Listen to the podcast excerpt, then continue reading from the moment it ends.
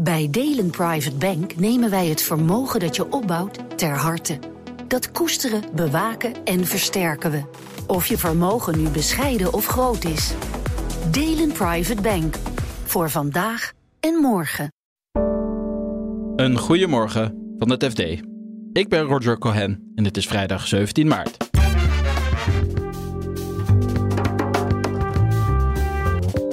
De financiële markten beleven een turbulente week. En toch verhoogt de Europese Centrale Bank de rente. Ga lekker slapen. Is, is de boodschap, denk ik, die Lagarde mee eh, wil geven. De verkiezingsoverwinning van BBB maakt een oplossing vinden voor de stikstofcrisis nog moeilijker. Ja, de vraag is nu hoe die onderhandelingen precies gaan lopen en uh, of er een, een padstelling dreigt te ontstaan tussen, tussen provincies en het kabinet. En in Argentinië vragen ze zich af wanneer hun paus nou een keer op bezoek komt. Dat hij wel op bezoek is geweest in buurlanden Brazilië en ook in Chili in 2018, dat doet wel pijn. Dit is de dagkoers van het FD. In Frankfurt had de president van de Europese Centrale Bank een geruststellende boodschap. De Europese bankensector is gezond, ook al daalden de bankenaandelen afgelopen dagen flink. Vertelt redacteur Marcel de Boer. Nou, er was grote onrust ontstaan op de financiële markten. Te beginnen met een faillissement uh, in de Verenigde Staten, waar meerdere zelfs. Uh, waarvan de bekendste de Silicon Valley Bank was. En op het moment dat, dat iedereen dacht dat het een beetje zou weg, uh, wegebben, toen kwamen de problemen bij uh, Credit Suisse. Wat was daar aan de hand? Een uh, groot aandeelhouder die zei van ja, we willen niet nog meer geld in die bank steken. Uh, en dat was een signaal voor de markten om het, echt het vertrouwen in die bank te verliezen. Waardoor de koers met 30% kelderde. en dat sloeg een beetje over op, op, op de rest van de markten. Ja, en daardoor was uh, de vraag van wat gaat de ECB doen bij hun maand, maandelijke rentebesluit? Ja, nou ja, de angst was dat uh, uh, financiële onrust zou overslaan naar het hele bankwezen. En dat zou alleen maar erger worden als, als de ECB zou vasthouden aan, aan een flinke stap die ze hadden beloofd. De meeste banken profiteren van hogere rente, want dan wordt het makkelijker om geld te verdienen. Ze kunnen hogere marges Maar je zag dus vorige week in Amerika dat banken die met, met specifieke problemen zitten, getroffen kunnen worden door uh, ja, spaarders uh, en, en, klanten die gewoon in één keer weglopen. Ja, geen enkele bank kan er, kan er tegen. Oké, terug naar Frankfurt. Vooraf was dus van speculatie. Gaat de ECB de rente verhogen met 25 basispunten, 50 basispunten of lassen ze misschien een pauze in? Waarom besluiten ze nu dan toch om de rente nog steeds te blijven verhogen? Nou, ik denk dat ze vooral ook een signaal wilden geven. Het valt eigenlijk wel mee met, met, met uh, de problemen. Eigenlijk zijn helemaal geen problemen in het bankwezen. Zeker in Europa. Die banken zijn allemaal uh, goed gecontroleerd. Uh, vallen allemaal onder het Europese toezicht. Goed gecapitaliseerd zijn ze vooral. Ja, ga lekker slapen, zeg maar. Is, is, is de boodschap, denk ik, die Lagarde mee wil geven.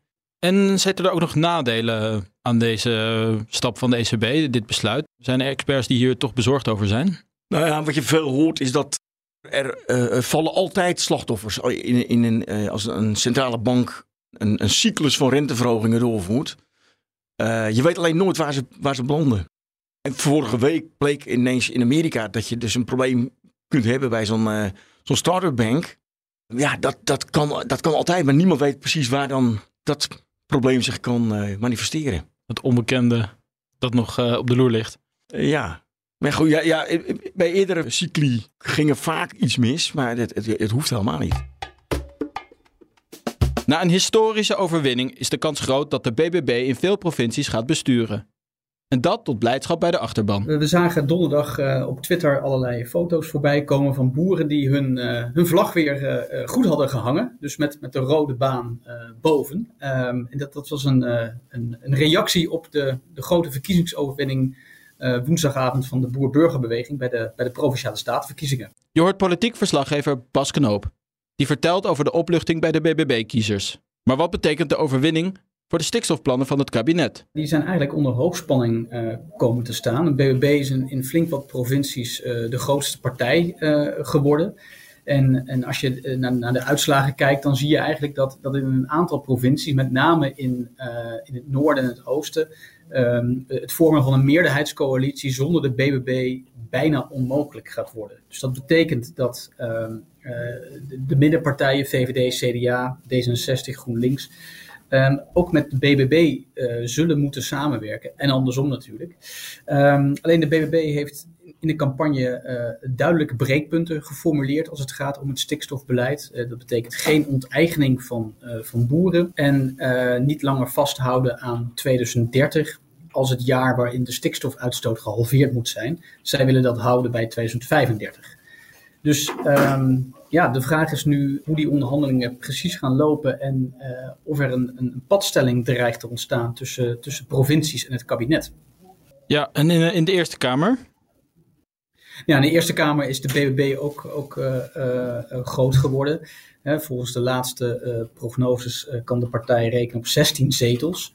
Waarmee het dus verreweg de grootste partij is, is geworden. Um, op dit moment, de uitslagen zijn nog niet definitief, maar zou de coalitie het, het stikstof- en klimaatbeleid bijvoorbeeld nog over links kunnen, kunnen regelen, ook eventueel met steun van, van, van Volt. Dat betekent dat je, dat je de, de stikstofwet, hè, die wordt aangepast, waarin 2030 wordt, wordt vastgelegd als, als jaar waarin de uitstoot gehalveerd moet zijn. Uh, dat je dat nog door de Eerste Kamer kunt krijgen. Het probleem is dat, uh, dat het kabinet een, uh, de stikstofplan, de uitvoering van de stikstofplannen heeft belegd bij de provincies. Dus zonder medewerking van de provincies komt er van, van, van stikstofreductie weinig terecht. Hoe kan het kabinet uit deze padstelling komen? Er is een mogelijke uitweg en uh, dat gaat dan via het vrijwillig uitkopen van, van zogeheten piekbelasters. Dat zijn bedrijven, maar vooral boeren die veel stikstof uitstoten uh, bij, bij, bij kwetsbare natuurgebieden.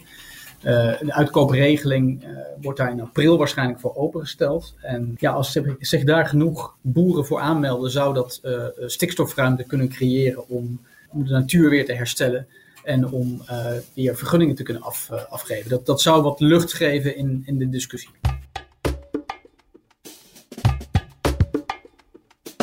Paus Franciscus is na voetballer Lionel Messi de bekendste Argentijn ter wereld. Maar de relatie met het thuisland is niet even goed, vertelt Italië-correspondent Anouk Bonen.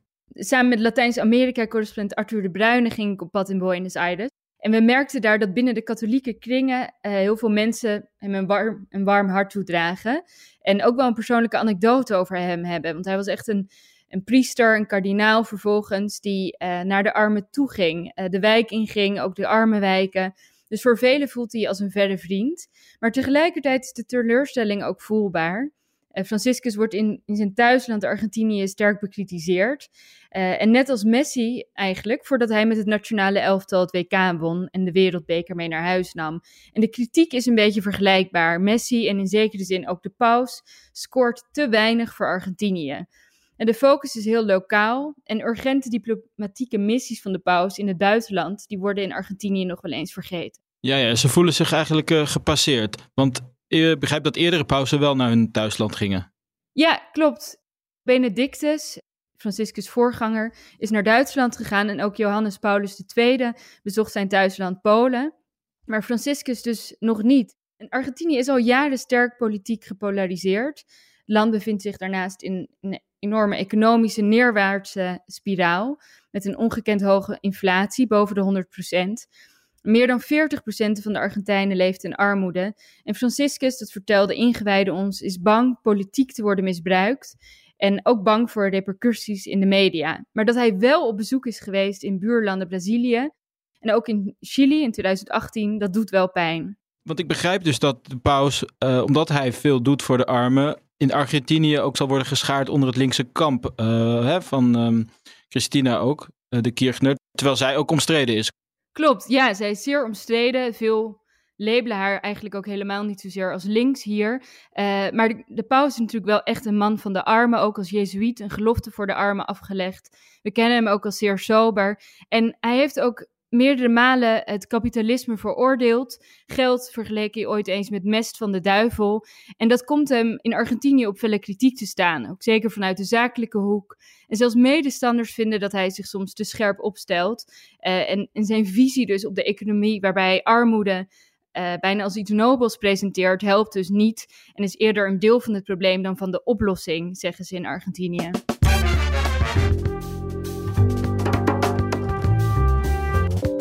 Dit was de dagkoers van het FD. Maandagochtend zijn we er weer. Als je je abonneert op Dagkoers krijg je die automatisch binnen. En op ft.nl volg je het laatste financieel-economisch nieuws.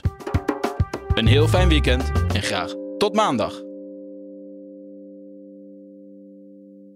Bij Delen Private Bank nemen wij het vermogen dat je opbouwt ter harte.